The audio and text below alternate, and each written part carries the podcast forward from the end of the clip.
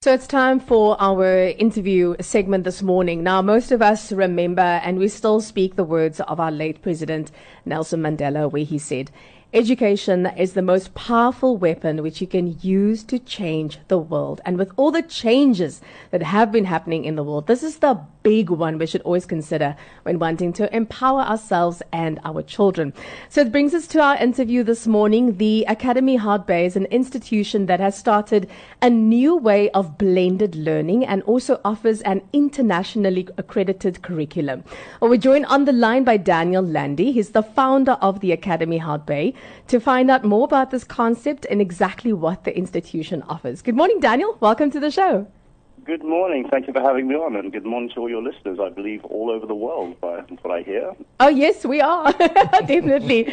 Um, so, Daniel, could you explain to us what makes the Academy Hout Bay different to any other traditional teaching institution? Well, the Simply put, it is very different. Our approach to teaching and learning is, is quite fundamentally different. Um, teaching and learning has been this based on this Victorian model of, of education for the last couple of hundred years, where you're just standing in front of the class and delivering information, and uh, the kids go away and, and write the answers um, sort of in isolation at home, and then come back and hand the, uh, their answers to the teacher, and the teacher marks them in isolation and gives them, you know, gives the marks back. And even if the teacher's are really good and has, you know, spent a lot of time annotating and their their their, their mark scheme, um, often the students really just look at the the mark at the bottom. They don't really have that kind of intuitive understanding of what they got right and what they got wrong. So we use the idea of the flipped classroom where they have an online system which they um, they they look at all the information first, and they watch the video, and they have a look at the, the textbook and stuff. And when they come into the class, then they can have a proper discussion, and they can process the information and develop the understanding. And the questions are answered in the class. So you know when they when they come up with the answer, then they, they develop a, a deeper understanding of that. And that's only really possible now with the advances that we have in technology. So many, many years ago, um, 10, 12 years ago, before there was even the tools to do it, um, I was trying to get learning online because I saw the, the potential there. So we eventually had the technology to do it, and we have for the last five or six years been using an online system to supplement and support, which is what we call hybrid learning. Um, and now with COVID and everyone else suddenly realizing that this is the way forward and this this is possible, um, people are very, very much sort of jumping on the bandwagon. But the the possibility that we have now is that we can extend our offering, our learning, to anyone really. Mm. Um, that they can follow what we're doing online, they can hand in their work online, and they can get the sort of feedback from uh, sort of a, a, high quality education institution for a fraction of the cost. Mm-hmm. But our students here have that ability to um, to engage in that hybrid learning. So they don't necessarily have to be 100% in the class all the time. Mm. So the it's assessment sort of assessment for learning, not assessment of learning. Okay. Um, and yeah, it's, it's, a very different um, different approach uh, from the sort of traditional Model C, you know, old, older schools.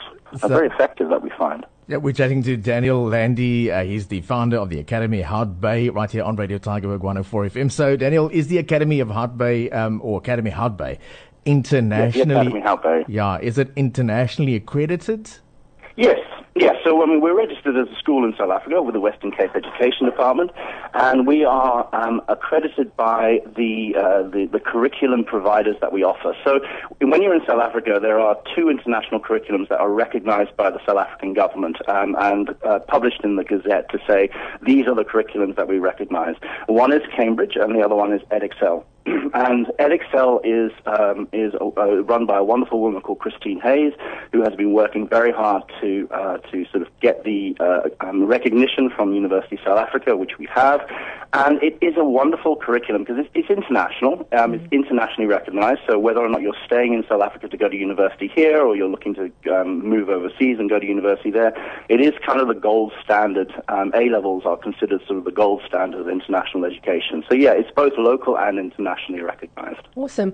So, Daniel, what potential prospects are there for students who are graduating from the Academy Hout Bay?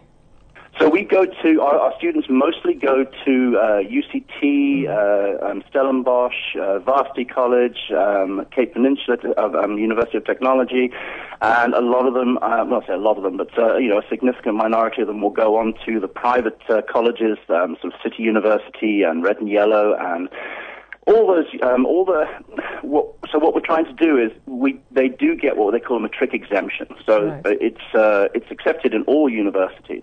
Um, but we are trying to help them to sort of reverse engineer. So you don't have to go to university. It's not the be all and end all.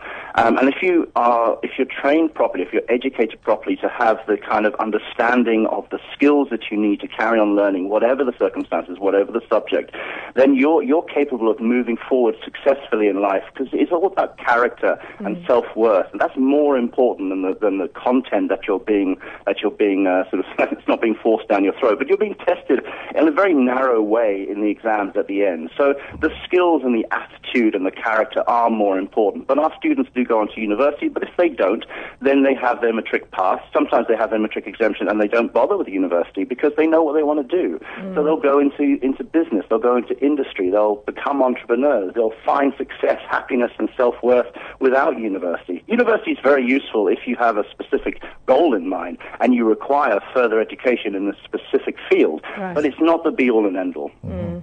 Thank you very much. That's Daniel Landy, founder of the Academy Hout Bay. Thank you so much. Do you maybe have a website?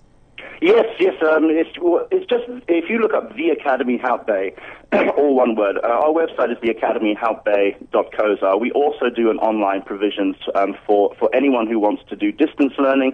It's called the, the academy.online, and and we it's you know it's been going for ages, and uh, it's a wonderful service. And anyone who wants to do homeschooling, any who's uh, who's not into mainstream schooling for whatever reason, whether it's health or distance or, or or beliefs or values or anything like that, you can do everything you need to do at home, and we're there to support you in your efforts to educate your own children as well. Awesome. Thank you very much, Daniel. Thank Enjoy your day and thanks for joining us. Pleasure. Thank you us very today. much for having me on. Okay. Awesome. Bye-bye. Bye.